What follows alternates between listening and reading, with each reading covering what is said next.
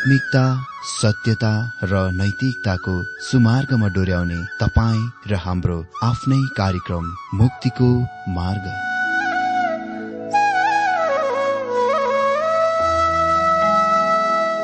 आदरणीय श्रोता यस मुक्तिको मार्ग कार्यक्रममा हार्दिक स्वागत छ। आशा छ यस आत्मिक कार्यक्रमद्वारा जीवनमा आत्मिक आशिष अलौकिक शान्ति र आनन्द प्राप्त गर्नुहुनेछ। र जीवनमा धन्य अनुभव गर्नुहुनेछ। आउनुहोस् श्रोता। मन र आत्माको तयारीको लागि यो मिठो अनि मधुर भजन गीत सुनौ।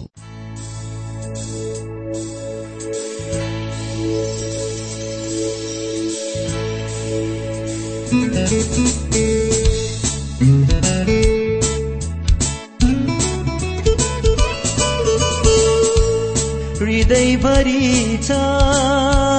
चोटहरू कहाँ जानु? कसलाई भनु यीशु बिना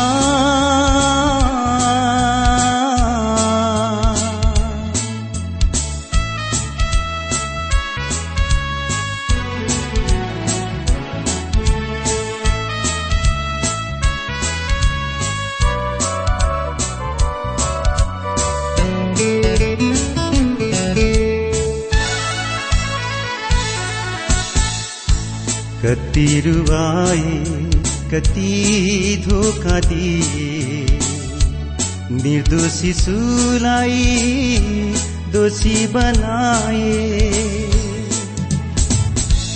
कति रुवाए कति धोका दिए निर्दोष शिशुलाई दोषी बनाए दोष मेरै नै थियो तर प्रभुले चुपचाप सबै सही दिए।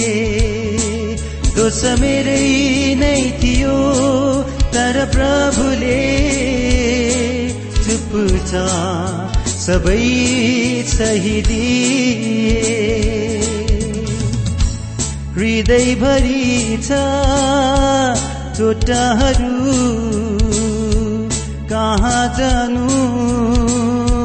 कसलाई भनु यीशु बिना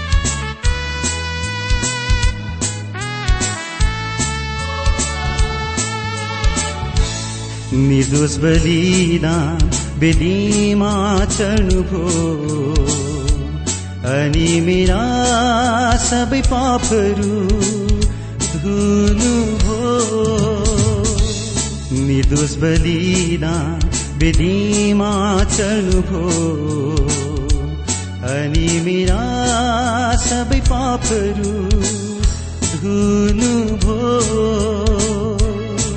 नयाँ जीवन दिएर मेरा घाउहरू उनको हातले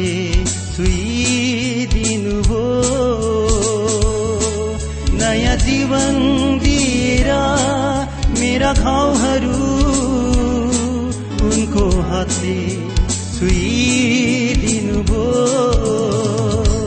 हृदयभरि छ चोटहरू। जानु? कसलाई भनु यीशु बिना।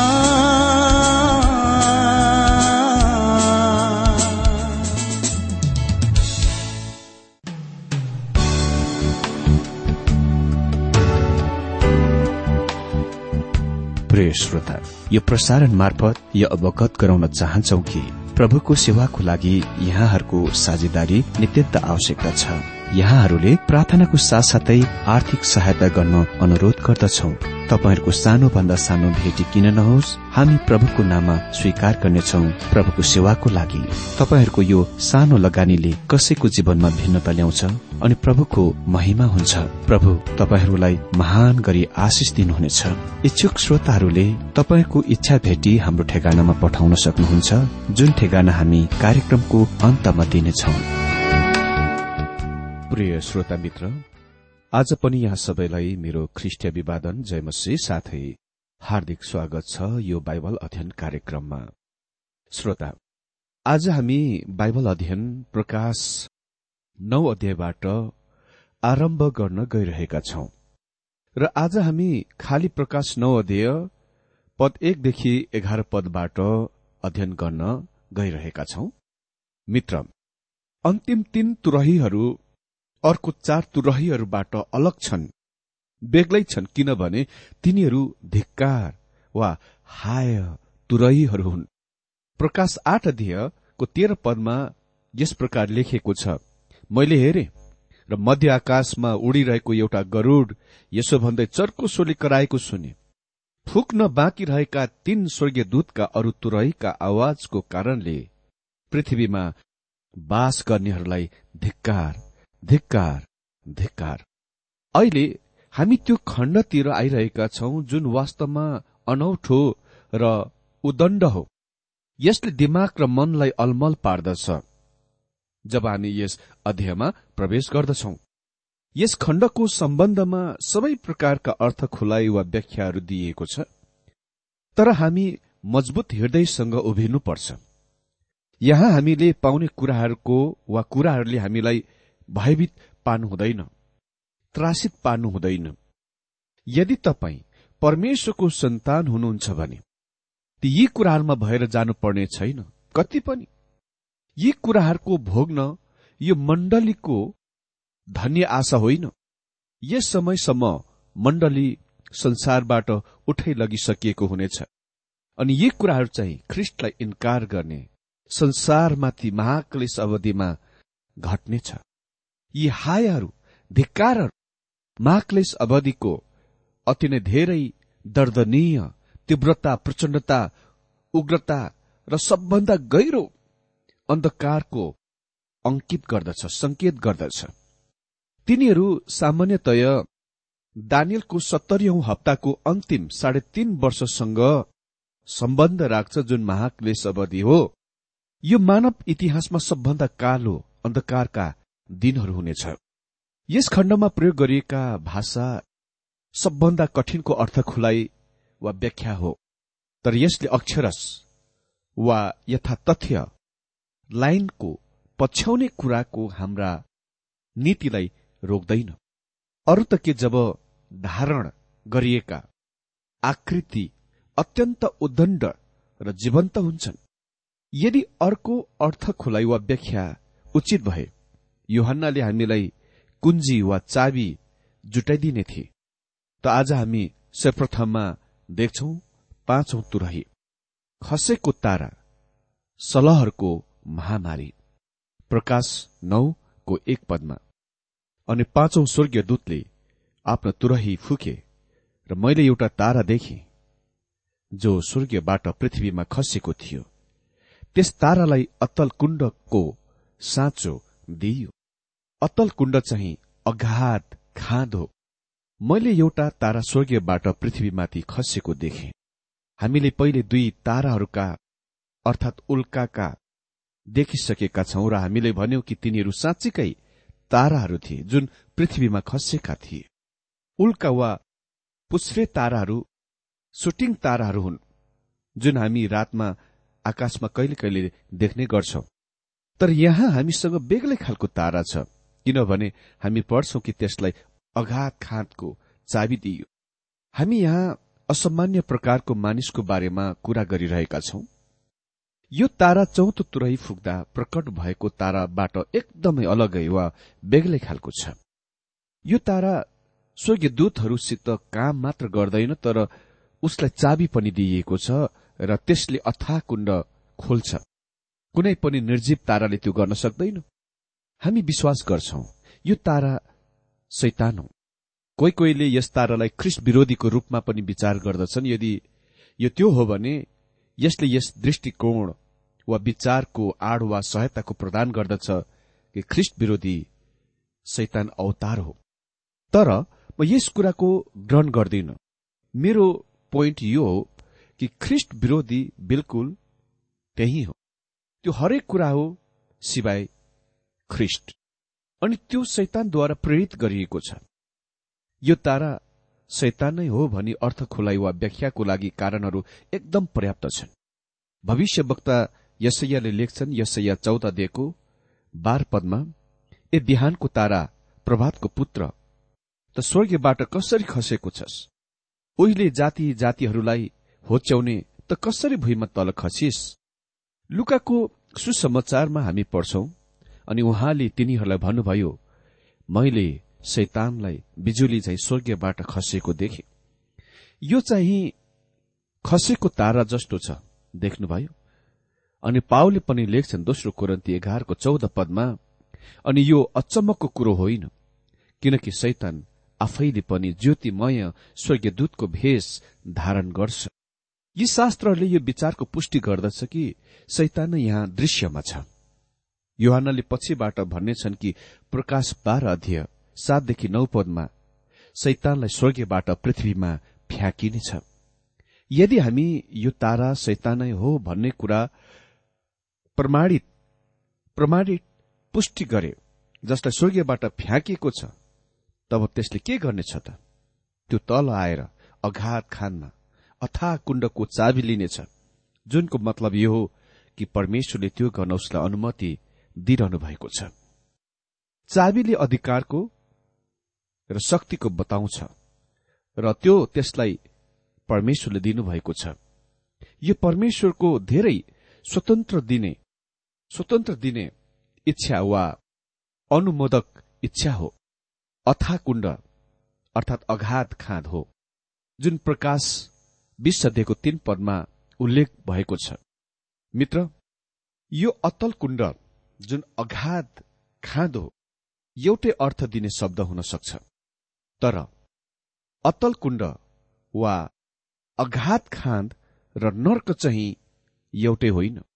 हाम्रा प्रभुले सम्भवत मती दिएको चालिस पदमा अथा कुण्डको अतल कुण्डको संकेत गर्नुभयो जब उहाँले भन्नुभयो किनकि जसरी यो न ठूलो माछाको पेटभित्र तीन दिन र तीन रात थिए उसरी नै मानिसका पुत्र पनि पृथ्वीका पेटभित्र तीन दिन र तीन रात हुनेछ।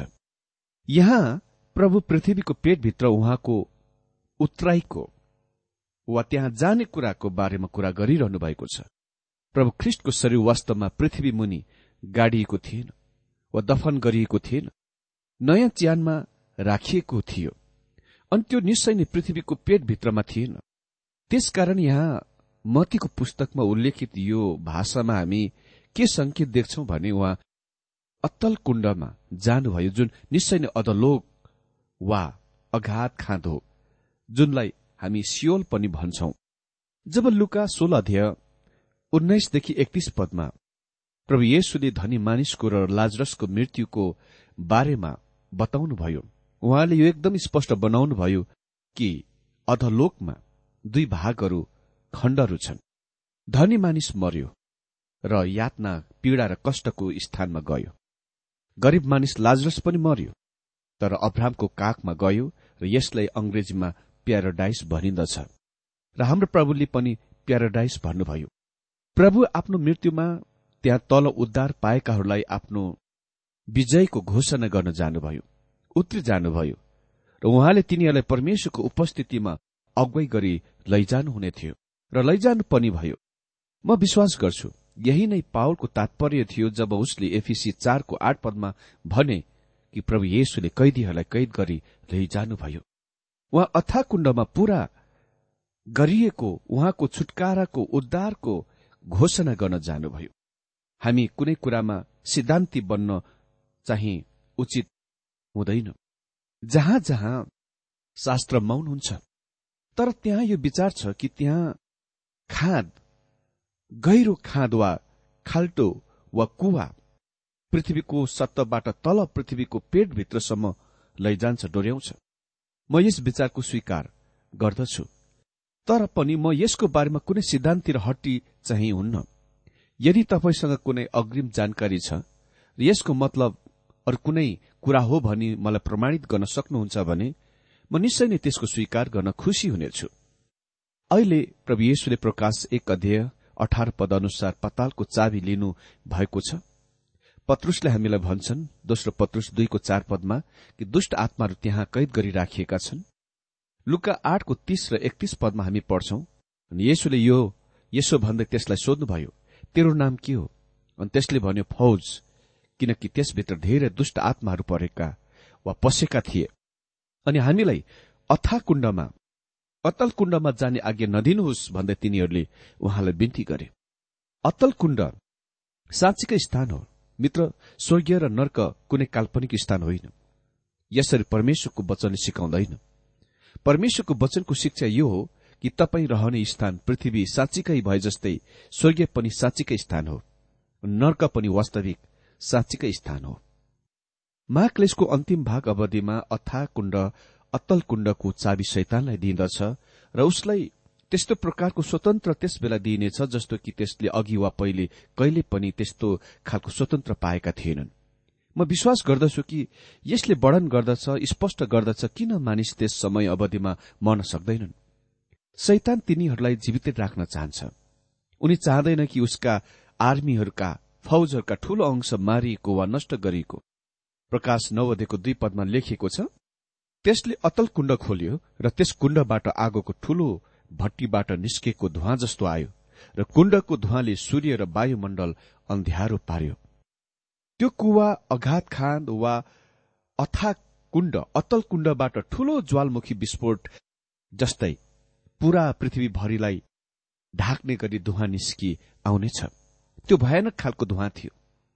तीन र चार पदमा लेखिएको छ त्यस धुवाबाट पृथ्वीमा सलहहरू निस्के र पृथ्वीका बिच्छीहरूको जस्तो शक्ति तिनीहरूलाई दिइयो।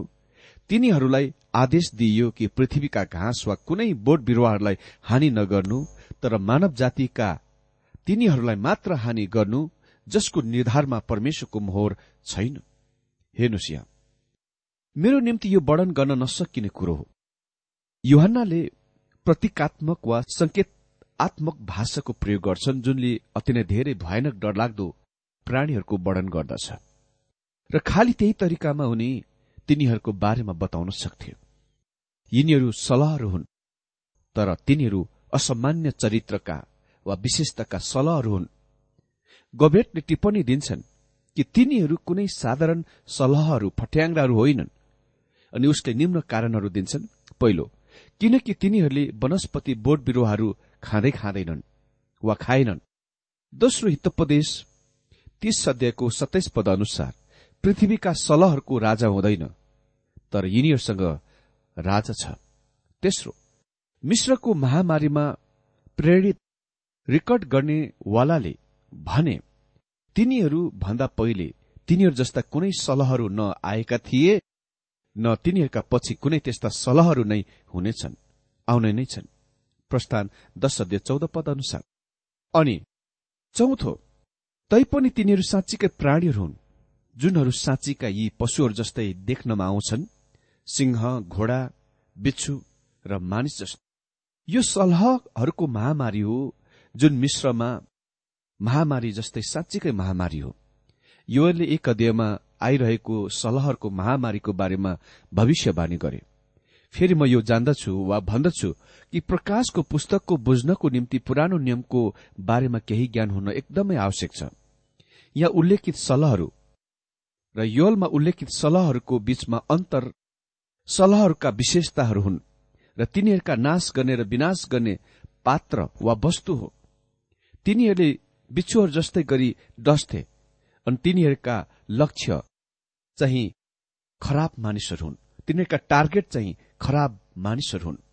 पद पाँचमा लेखिएको छ तिनीहरूलाई मारि त नहाल्नु तर पाँच महिनासम्म यातना दिनु भन्ने तिनीहरूलाई अख्तियार दिइयो र मानिसहरूलाई बिच्छुले डस्ता जस्तो पीड़ा हुन्छ। तिनीहरूले दिएको पीड़ा पनि त्यस्तै थियो। मित्र तपाईँहरूले बिच्छुहरू देख्नुभएकै होला। त्यो प्राय गरी आद्र स्थानमा बस्छ उष्ण स्थानमा बस्छ। त्यसको किल चाहिँ त्यसको पुच्छरमा हुन्छ। यद्यपि यो प्राणघातक नभए तापनि यसको डस एकदमै दर्दनीय हुन्छ। यो नै तस्विर यहाँ हामीलाई दिइएको छ। यी कुराहरू यहोसुद्वारा उल्लेख गरियो जब उसले अरिङ्गालको बारेमा बोले यहोसु चौबिस सदेखको बाह्र पदमा मैले तिमीहरूको अघि अघि अरिङ्गाललाई पठाइदिए जसले उनीहरूलाई तिमीहरूका सामुन्नेबाट धपायो। त्यसकारण तपाईँ देख्न सक्नुहुन्छ मागले सबदीमा रहने विश्वासीहरू जो पुरानो नियमसँग राम्ररी चिर परिचित छन् तिनीहरूले बुझ्नेछन् कि योहना यी बिच्छुहरूको बारेमा कुरा गरिरहेका छन्। अनि छ पदमा लेखिएको छ ती दिनमा मानिसहरूले मृत्यु खोज्छन् तर पाउने छैनन्।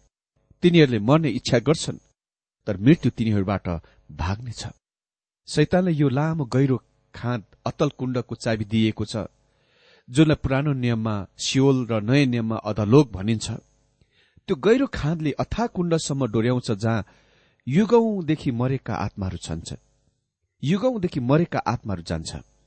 त्यहाँ नै प्रभु येशु उहाँले क्रुसमा पूरा गर्नुभएको छुटकाराको घोषणा गर्न जानुभयो। तैपनि आफ्ना जमातहरू मरेको चाहँदैनन्। शैतान आफ्ना जमातहरू मरेको चाहँदैन। अनि यो खालि उसका जमातहरूलाई मात्र यी सल्लाहहरूद्वारा आक्रमण गरिन्दछन्। मानिसहरू यस अवधिमा आत्महत्या गर्न कोसिस गर्नेछन् तर त्यो गर्न सक्ने छैनन्। त्यसले त्यस दिनको भयंकरता दर्दनीय अवस्थाको प्रकट गर्दछ। शैतान तिनीहरूलाई यहाँ चाहन्छन् किनभने यो ज्योति र अन्धकार बीचको लडाई लडिँदैछ। त्यहाँ अरू कोही कोही छन् जो सोच्दछन् कि हुन सक्छ यो परमेश्वरले नै ती मानिसहरूलाई मर्न नदिनु भएको होला। किनभने पापी दुष्ट मानिसले आफ्नो विद्रोहको परिणाम भोग्नै पर्छ। त्यहाँ बिना दण्ड उम्कने कुनै बाटो छैन। ख्रिस्टलाई अस्वीकार गर्नु खिलाँचीको मजाको कुरो होइन। उहाँलाई व्यवस्था गर्नु साधारण कुरो होइन। मानिस भन्छन् कि यो जीवनमा त्यहाँ धेरै महत्वपूर्ण कुराहरू छन्। तर मित्र म भनौँ सबभन्दा महत्वपूर्ण कुरा यो हो कि येसुको सम्बन्धमा तपाईँको निर्णय। अनि सातदेखि दश पदमा यस प्रकार लेखिएको छ ती सल्लाहको रूप लडाईँको निम्ति तयार गरिराखेका घोडाहरूको जस्तो थियो। तिनीहरूका शिरमा सुनका मुकुट जस्ता केही थिए। र तिनीहरूका अनुहार चाहिँ मानिसका अनुहार जस्तै थिए। तिनीहरूका केश स्त्रीका केश जस्तै थिए र तिनीहरूका दाँत सिंहका दाँत जस्ता थिए अनि तिनीहरूका छातीका कवच फलामका थिए र तिनीहरूका पखेटाको आवाज लडाईँमा दगुर्ने धेरै रथ र घोडाहरूको आवाज जस्तै थियो। तिनीहरूका पुच्छर र खिल बिच्छीका जस्तै थिए। तिनीहरूका पुच्छरमा पाँच महिनासम्म मानिसलाई कष्ट दिने शक्ति थियो। मलाई निश्चय छ कि तपाईँ यस कुरामा सहमत हुनुहुनेछ कि यो भयानक डरलाग्दो र असामान्य वर्णन हो। अलिक निकटबाट नजिकबाट जाँच गर्दा यसले यो प्रकट गर्दछ यो पलिस्तिनका सलहरसँग एकदम मिल्दोजुल्दो छ। अनि यसको हामीले नोट गर्दा उक्तम होला। डाक्टर भिन्सेन्टले प्रकाशको आफ्नो पुस्तकमा यो टिप्पणी बनाउँछन्। घोडा जस्तै सलहको समानता वा अरूपता विशेष गरेर कवचले सुसञ्जित घोडाको अरूपता यो ध्यान खिच्न कुरा हो कि यो किरा जर्मनीमा हेफर्ड हर्स नाम राखिएको छ भने इटालीमा काबालेटा लिटर हर्स। अनि हर्सको अर्थ हो घोडा। यी सलहरका अनुहार मानिसहरूका अनुहार जस्तै छन् र सलहरको सिंह चाहिँ स्त्रीहरूको केस जस्तै थिए। यसरी तुलना गरिएका थिए।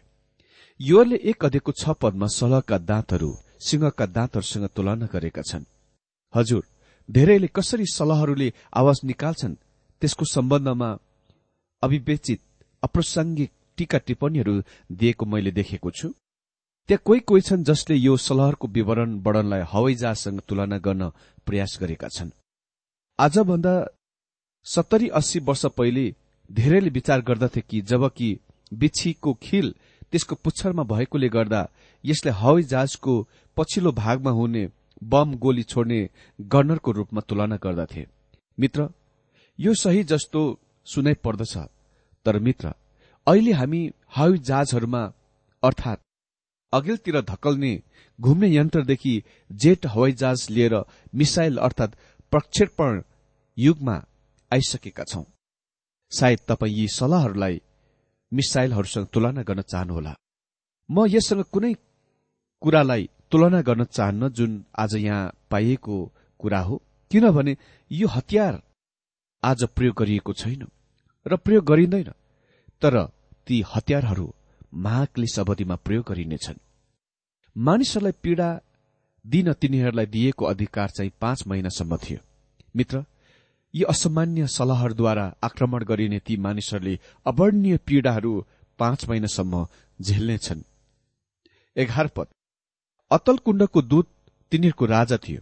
हिब्रू भाषामा त्यसको नाउँ एबाडोन र ग्रिक भाषामा त्यसको नाउँ अपुलियोन हो। देख्नुभयो यी सलहरू अन्य सामान्य सलहरबाट एकदम बेग्लै छन् कि तिनीहरूसँग आफूमाथि शासन गर्ने राजा छ। हितपदेश तीस अध्यय सत्ताइस पदले भन्छ कि सामान्य सलहरसँग राजा हुँदैन। यी सलहरका राजा वा नेता सम्भवत पतित स्वर्गीयदूत हो शैतानको मुख्य जोरदार समर्थक हुन् र त्यसलाई प्रथमपल्ट पृथ्वीको आक्रमणको अगुवाई गर्न अनुमति दिइयो। यो कुनै त्यस्तो कुरा हो जुन भयंकर हुन गइरहेको छ। त्यसको नामको हिब्रूमा अर्थ हो विनाश अनि ग्रीकमा हो नष्ट गर्ने। यसले दानियलले हामीलाई भनेको कुराको पुष्टि गर्दछ कि पतित स्वर्गीय दूतहरूका दुष्ट आत्मा प्रेत आत्मा संसार श्रेणीहरूमा वर्गहरूमा विभाजन गरिएको छ। म सोच्दछु कि त्यहाँ सेनापतिहरू ब्रिगेडियरहरू कर्णेलहरू मेजरहरू क्याप्टेनहरू सुविधार हवलदार नायक र सिपाहीहरू छन् तिनीहरूको बीचमा। एफिसीमा हामी पत्ता लगाउँछौ कि परमेश्वरको स्वर्गीयदूत पनि उही तरिकामा विभाजित गरिएको छ। बाह्र पद। पहिलो विपत्ति गइहाल्यो यसपछि फेरि दुई विपत्ति आउन बाँकी छन्। पहिलो विपत्तिले हामीलाई महाक्लेश अघिको अवधिको अन्तिम आधा भागको परिचय गर्यो अनि यसको पाँच महिनाको समय अवधि थियो। यो स्पष्ट छ कि निश्चय नै अन्तिम दुई धिकारहरू विपत्तिहरूले त्यस अवधिको बाँकी समयको ढाक्नेछ यहाँ उल्लेखित चेतावनीले यो संकेत गर्दछ झन खराब कुराहरू हुनलाई बाँकी छ। अनि यो दोस्रो खाली तुरहीले प्रकट गर्दछ कि निरर्थक चेतावनी यो थिएन। यो हामी अर्को दिनमा देख्नेछौं।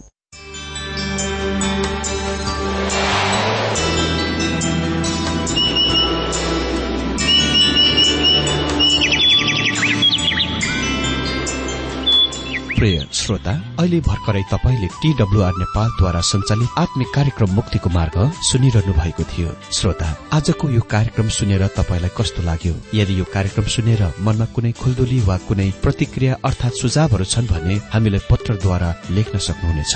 हामी हृदयदेखि नै स्वागत गर्नेछौ स्वीकार गर्नेछौ साथै बाइबल सम्बन्धित प्रचारहरू कार्यक्रम सारणीहरू हामी अनुरोधमा पठाउन सक्छौ। अनि तपाईँसँग कुनै प्रार्थनाको विषय छन् भने हामीले तपाईँको लागि प्रार्थना गरेको चाहनुहुन्छ। भने प्रभुमा आफ्नै परिवार सम्झेर हामीलाई पत्रमा लेख्न सक्नुहुनेछ। तपाईँको लागि हामी प्रभु येशुसँग प्रार्थना गर्नेछौ। अधिक जानकारी र पत्रचारको लागि हाम्रो ठेगाना यस प्रकार छ। कार्यक्रम मुक्तिको मार्ग जीपीओ नम्बर उनानब्बे पचहत्तर एपीसी पच्चिस एकसठी काठमाडौँ। ठेगाना एकपल्ट सुन्नुहोला कार्यक्रम मुक्तिको मार्ग जीपीओ नम्बर उनानब्बे पचहत्तर एपीसी पच्चिस एकसठी काठमाडौँ। हाम्रो इमेल एड्रेस हो TWR Nepal at Yahoo dot com साथै यस नम्बरमा एसएमएस गर्न सक्नुहुनेछ। अन्ठानब्बे चार सत्तरी पैतिस छ सय उनासी नौ आठ चार सात जिरो तीन पाँच छ सात नौ। हुन्छ श्रोता आजलाई हामी विदा चाहन्छौ।